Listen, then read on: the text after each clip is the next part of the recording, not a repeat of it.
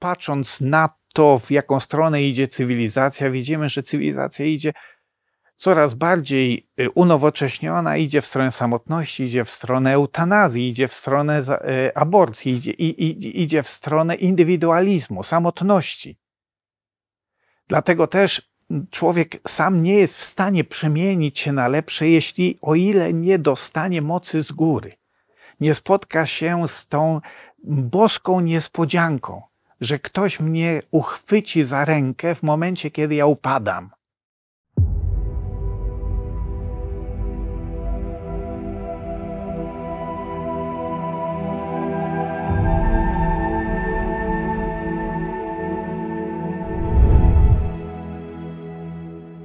Drugi tydzień naszej wędrówki paschalnej, naszego Wielkiego Postu, rozpoczyna się od Ewangelii e, opowiadającej o przemienieniu się Chrystusa wobec swoich uczniów.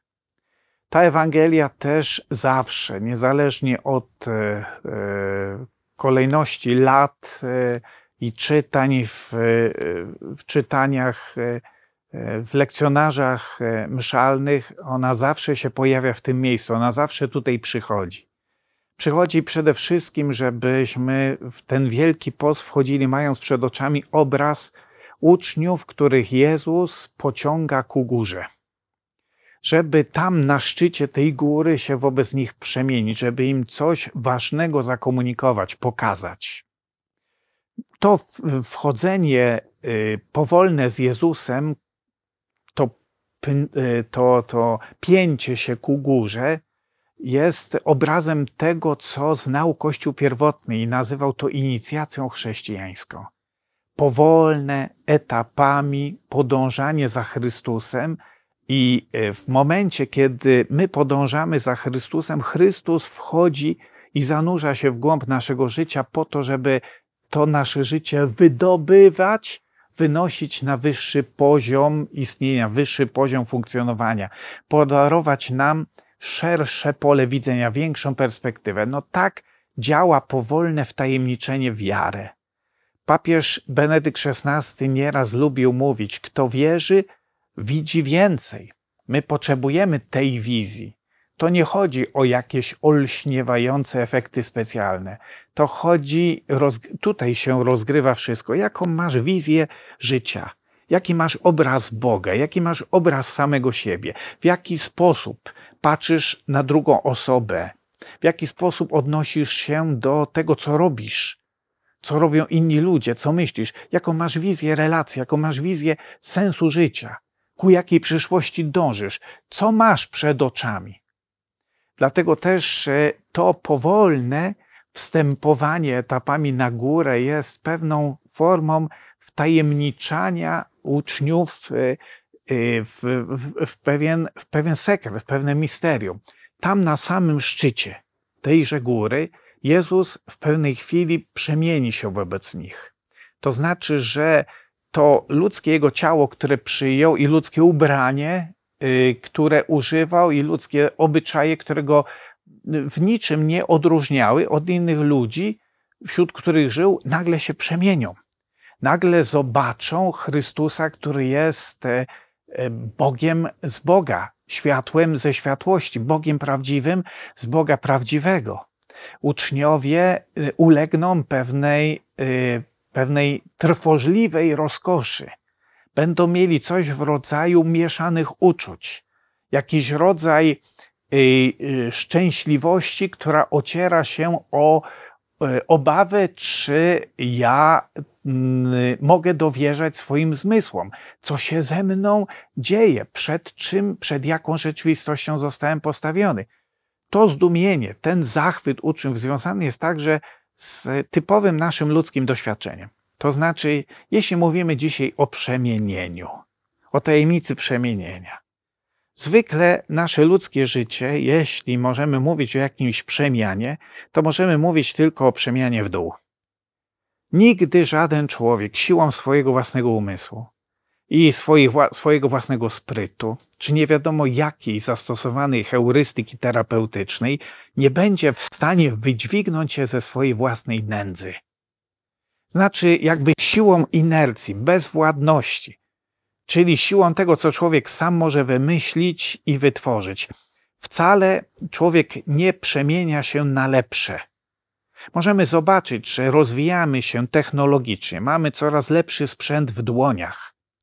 Mamy coraz więcej przed sobą przycisków i guzików. Możemy decydować o, o wielu rzeczach, skracać dystans między moją decyzją a efektem. Czy od tego wszystkiego stajemy się lepsi? Odwrotnie. Patrząc na to, w jaką stronę idzie cywilizacja, widzimy, że cywilizacja idzie coraz bardziej y, unowocześniona, idzie w stronę samotności, idzie w stronę eutanazji, idzie w stronę y, aborcji, idzie, idzie w stronę indywidualizmu, samotności. Dlatego też człowiek sam nie jest w stanie przemienić się na lepsze, jeśli o ile nie dostanie mocy z góry. Nie spotka się z tą boską niespodzianką, że ktoś mnie uchwyci za rękę w momencie, kiedy ja upadam. Wiara to jest coś cudownego. Wiara to jest niesamowite wyposażenie w życiu. Miałem okazję sam się nieraz też przekonać o tym, zwłaszcza kiedy moje życie przechodziło przez takie momenty próby. Mają rację ci ludzie, którzy mówią, że wiemy o sobie tylko tyle, na ile zostaliśmy wypróbowani. Czasami nasze iluzje, nasze złudzenia na swój własny temat, nasze zbyt dobre zdanie o sobie samym jest tylko i wyłącznie brakiem y, okazji, żadną cnotą. Łatwo nam jest osądzać innych ludzi, którzy gdzieś stoczyli się w jakiś dół, w jakąś przepaść. Ale być może gdybyśmy mieli ich warunki życia, gdybyśmy mogli, musieli przejść przez to, co, przez co oni przeszli, może byłoby z nami sto razy gorzej. I jednego razu, kiedy znalazłem się w centrum onkologii, przebywając razem z tymi innymi ludźmi, zwłaszcza dużo młodszymi ode mnie, piękni, dwudziestoletni, piękne osiemnastolatki z gołymi głowami, bez włosów, przemieszczający się ze stelażami, na których y, y, wiszą butelki, i oni są podłączeni pod chemię. Myślałem sobie, Boże drogi, jak można przez coś takiego przechodzić, nie mając tej łaski z wysoka, która cię w tym momencie podtrzymuje, dźwiga? Jak można przez takie rzeczy przechodzić bez wiary? I wtedy miałem w sercu tylko jedno wdzięczność. Boże, dziękuję Ci za to, co mi dałeś. Przychodzą takie momenty w życiu, kiedy czy chcesz, czy nie chcesz, runiesz w dół. I wszystko zależy teraz od tego, czy spadając w dół, padniesz i rozbijesz się o jakiś twardy beton, czy spadając w dół, nagle w pewnym momencie podtrzymają cię jakieś troskliwe, kochające ręce, ręce kogoś, komu na tobie zależy, i on cię wtedy uratuje. To jest właśnie, to jest właśnie cud przemienienia. To jest ta siła, która y, y, jest, y, tkwi w tej Ewangelii. I Piotr jest tak, tak ujęty tym momentem czułości, miłości Boga, że mówi w pewnym momencie: wybudujmy trzy namioty. Jezus nie chce, żebyśmy budowali i szukali jakiegoś miejsca szczególnego, i budowali namioty. Jezusowi chodzi o to, żeby te trzy namioty zostały wybudowane w naszym sercu. Jeden dla Ojca, jeden dla Syna, jeden dla Ducha Świętego.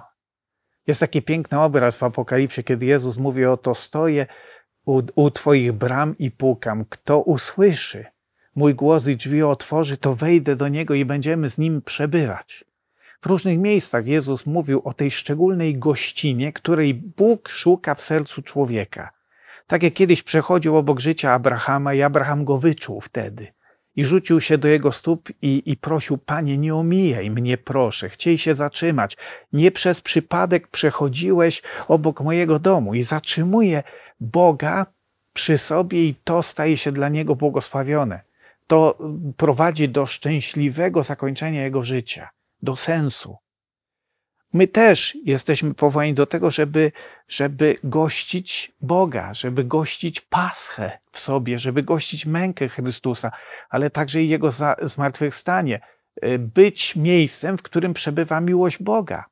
Dlatego serce, w którym zostaną umieszczone te trzy namioty dla Ojca, Syna i Ducha Świętego, znajdowało w kościele pierwotnym na końcu inicjacji chrześcijańskiej, na końcu katechumenatu, wyraz w tym, że kto był gotowy, żeby zanurzyć się w Chrystusa, czyli dać się ochrzcić, to potem dostawał piękną, lśniąco białą szatę, właśnie taką, jaką ma Jezus w wizji, której poddają się apostołowie tam na górze e, Synaj, na, na, na górze Tabor, przepraszam. Życie jest pewnym nieustannym przemienieniem. Możemy się odmieniać na gorsze, poddać się pewnej degrengoladzie, powolnemu starzeniu się, powolnemu y, y, y, znajdowaniu upodobania w jakiejś, w jakiejś, znalezieniu jakiejś czegoś płaskiego w naszym życiu, w pewnym naszym wyzerowaniu. Przychodzi nieraz w nas do kompromisu, kiedy godzimy się na jakąś byle jakość, na jakąś równinę, równinę Shinear, tak jak było w Piśmie Świętym. Kiedy ludzkość dotarła do równiny Shinear, to postanowili wtedy wzbogacić się, zgromadzić materiały i wybudować sobie taką cywilizację, która będzie im służyła, która im zastąpi niebo i którą chcieli nazwać Babel. Bóg wtedy z miłości do nich na to się nie zgodził. Nie pozwolił im budować jakiejś iluzji swojego własnego ja. Nie pozwolił im na jakąś na coś zamiast, coś zastępczego. Człowiek chce, y, Bóg chce, żeby był prowadzony do nieba, żeby wzrastał do wymiarów życia wiecznego. My możemy chrześci nasze chrześcijańskie powołanie zamienić w jakąś tandetną y, podróbkę typu fajno-dobro-ludzizm Zamiast chrześcijaństwa będziemy się bawić w sezonową dobroczynność. Od czasu do czasu zorganizujemy jakąś zbiórkę, przyklejemy sobie jakiś emblemat, będziemy chodzić dumni jak kura, która zniosła jajko i musi rozgdakać na całą wioskę, jaka jest wspaniała. Nie ja jestem wspaniały, nie ty jesteś wspaniały. Wspaniały jest Bóg i wspaniałe są Jego zamiary wobec nas, pełne miłości, które pozwolą nam wyjść poza horyzont, przekroczyć nasze wyobrażenie o naszym życiu. To jest, te zamiary przekładają się na pewien plan Pana Boga, pewną powolną pedagogię w naszym życiu. Tą pedagogię nieustannego poddawania się przemienieniu, że Bóg będzie nasze życie wynosił w górę, proponując nam odwrotnie wędrówkę w głąb nas samych. Dlatego też piesi chrześcijanie, którzy pragnęli przyjąć chrzest, byli zapraszani do tego, żeby po siedmiu stopniach stępować w dół do sadzawki chrzcielnej, aby potem doznać wynurzenia, tego cudu spotkania ludzkiej nędzy z miłością Boga i doświadczenia tego, że wszystko, co nas buduje, co nas uszlachetnia, co nas uskrzydla w życiu, to pochodzi od Niego.